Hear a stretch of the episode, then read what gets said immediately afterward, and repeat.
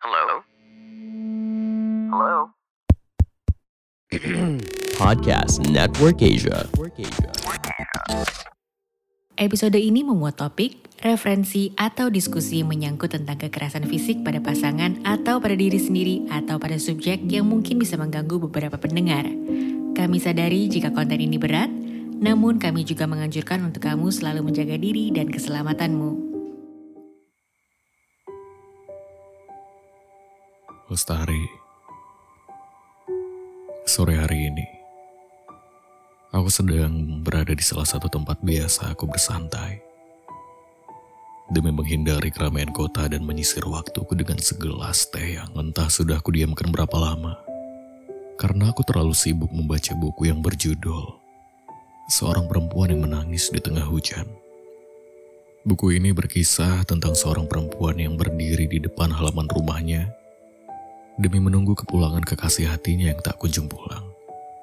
Lalu pada akhirnya kekasihnya pulang, tetapi lestari.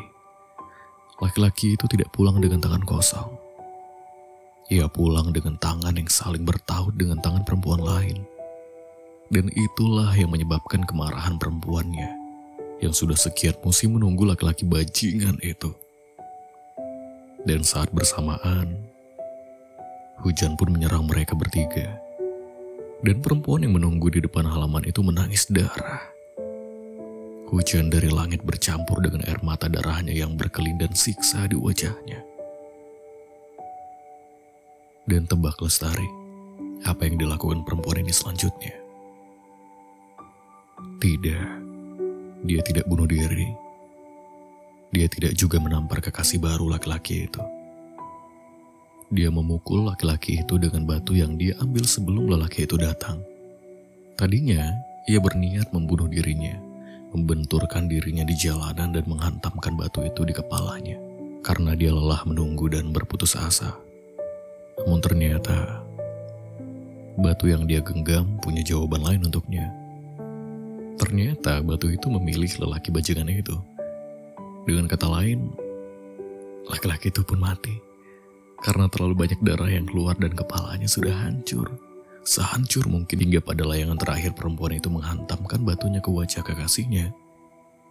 Ia berkata, Aku ingin memilikimu lagi dan bercinta denganmu di neraka nanti.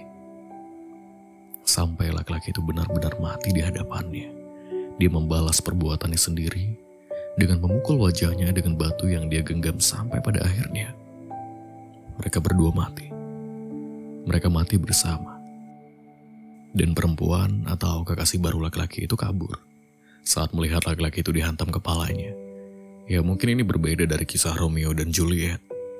Sebab kematian mereka mati bukan lagi karena saling mencintai, tetapi mereka mati karena saling melukai. Sekiranya begitulah cerita dari buku yang kubaca ini Lestari.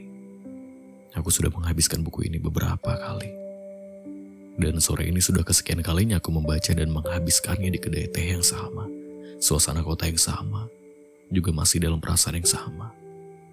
Lalu kemudian akhirnya aku meneguk dan menghabiskan tehku yang sudah lama kudiamkan selama membaca. Dan gelasnya pun mengucap syukur berlapang dada. Karena pada akhirnya aku menuntaskan tehnya. Setelah itu, aku menghadap ke arah jendela lebar kedai ini yang langsung menghadapkan riuh ramai kota. Dari wartawan, orang barat yang sedang ciuman dengan kekasihnya di tepi jalan, anak-anak penjual koran yang sambil menyapa mengetuk kaca mobil mewah yang sedang berhenti menunggu lampu hijau tiba. Lalu aku tertawa kecil, karena satu dari beberapa anak kecil yang menjual koran itu berteriak, Wahai orang-orang kaya raya, tunjukkanlah kekayaanmu dengan membeli selembar koran yang tak seberapa harganya ini. Lalu tak lama kemudian, Para pemilik mobil mewah itu membuka kaca jendela mereka masing-masing untuk membeli koran-koran yang dijual anak kecil pemberani tadi. Ternyata aku menyadari satu hal, Lestari. Ternyata manusia memang senang berlomba dan memamerkan apa-apa yang mereka punya, Lestari. Mereka sibuk mencari dan memiliki sesuatu yang dimiliki orang lain demi menjaga gengsi diri mereka. Tidak ada harga diri yang ada bagi orang-orang seperti mereka, Lestari. Sebab mereka selalu menjual yang sekiranya dapat menguntungkan gengsi mereka berbeda dengan kita lestari. Aku yakin kita adalah orang-orang yang menjunjung tinggi rasa cinta. Rasa cinta, ya walaupun orang-orang di sana akan melihat kita adalah orang-orang yang naif.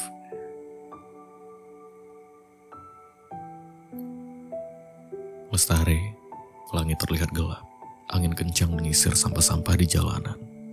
Juga topi pemilik semir sepatu dan guntur yang gagah membuat etalase aku berderak pelan. Aku juga harus bergegas pulang Lestari, maka aku pun harus berlari di tengah keramaian. Dan sialnya hujan datang menyerang kota ini termasuk aku Lestari. Aku mencari tempat untuk berteduh dan aku menemukannya. Aku berteduh di satu bangunan yang dekat dengan stasiun kota ini. Lalu kupandangi orang-orang berlarian, melangkah buru-buru. Ada yang menutup kepalanya dengan tas kerja kantornya. Juga ada sekelompok anak kampus yang saling menyeberang jalan. Yang di mana mereka, yang kupandangi tadi, berada di pintu keluar bangunan tempat aku berdiri saat ini. Lestari. Sekarang aku tidak sendiri sebab mereka sekarang ada di dekatku.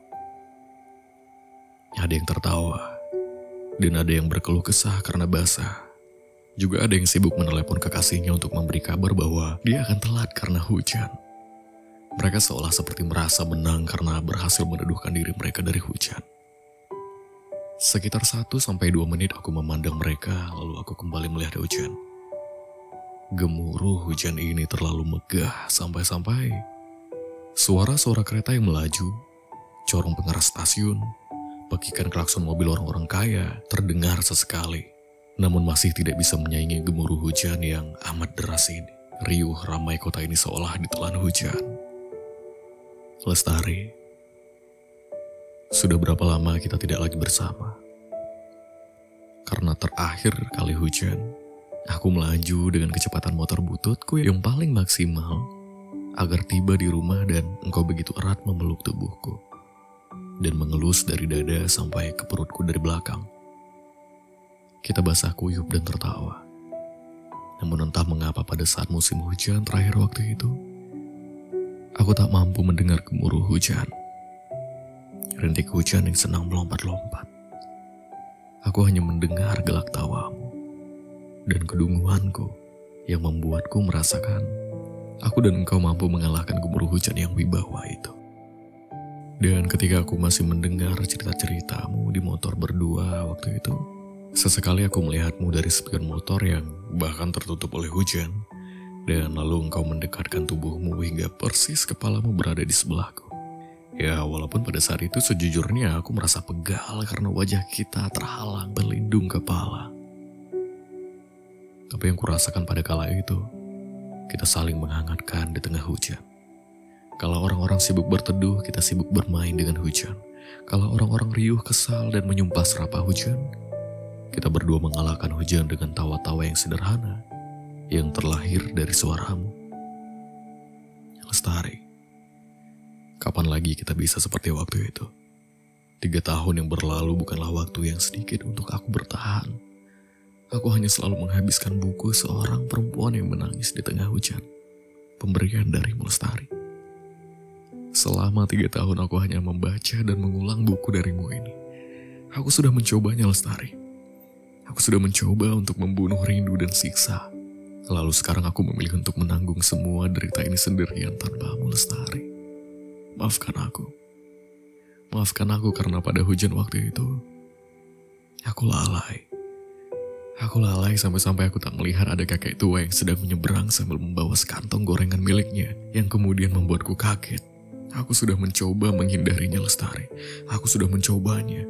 Aku sudah mencoba menghindar ke salah satu kedai teh yang kini justru menjadi tempat favoritku. Karena aku pikir, pada saat aku termenung sesekali aku melihat ke jalan yang pernah berlimpah darah kita berdua. Dan sialnya sopir truk yang mengantuk itu melindas tubuhmu. Seketika telingaku tak mampu mendengar apa-apa selain desing yang datang dari mana seolah menusuk telinga aku sangat dalam dan aku tak bisa lagi berbuat apa-apa selain mencoba menyadarkanmu. Tapi engkau tak kunjung bangun. Lestari, kau tak lagi bernapas. Aku sangat yakin dan aku yakin aku tidak mendengar apa-apa dari degup jantungmu. Walaupun hujan masih deras memandikan tubuh kita. Aku tak merasakan napasmu lagi, Lestari. Maka maafkanlah aku. Karena aku tak punya kekuatan apa-apa. Dan aku sudah mencoba menyelamatkan kita berdua. Aku juga tidak bisa menyalahkan kakek tua yang ternyata ia menyeberang mengantarkan sekantong gorengan untuk kemudian diberi kepada tunawisma yang belum makan apa-apa seharian. Aku juga tidak bisa menyalahkan sopir sial yang mengantuk itu karena terus-terusan kerja demi biaya sakit istri dan biaya sekolah anaknya. Aku tak bisa apa-apa Lestari, sungguh maafkan aku. Aku masih sangat mencintaimu Lestari, maafkan aku. Lalu menjelang hampir satu jam aku berteduh, hujan pun reda Aku pulang pada saat hari dan jalanan semakin gelap. Kawanan serangga mulai bernyanyi. Kata-kata kembali berdoa karena tak puas dengan hujan yang bagi mereka terlalu singkat. Untuk rindu yang telah lama berkabung. Kubangan air di tiap langkahku menyisakan guratan cahaya senja. Dan semilir angin yang lembab menyejukkan tubuhku yang merindukanmu, Lestari. Lestari, aku merindukanmu. Aku tak tahu akankah aku mampu melawan perasaan yang tersiksa ini. Aku tak tahu apakah aku juga akan bertemu denganmu di surga nanti, atau apakah aku akan ada di neraka bertemu sepasang kekasih yang saling melukai di buku yang kubaca itu. Aku tak tahu Lestari. Ingin kuputar waktu agar lebih baik aku pun ikut bersamamu. Mati bersamamu, agar aku tak tersiksa dan menderita seperti ini Lestari. Aku rindu. Aku sangat merindukan Lestari, maafkan aku. Maafkan aku.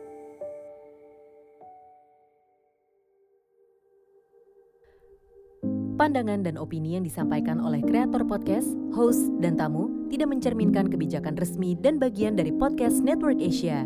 Setiap konten yang disampaikan mereka di dalam podcast adalah opini mereka sendiri dan tidak bermaksud untuk merugikan agama, grup etnik, perkumpulan, organisasi, perusahaan, perorangan, atau siapa pun dan apa pun.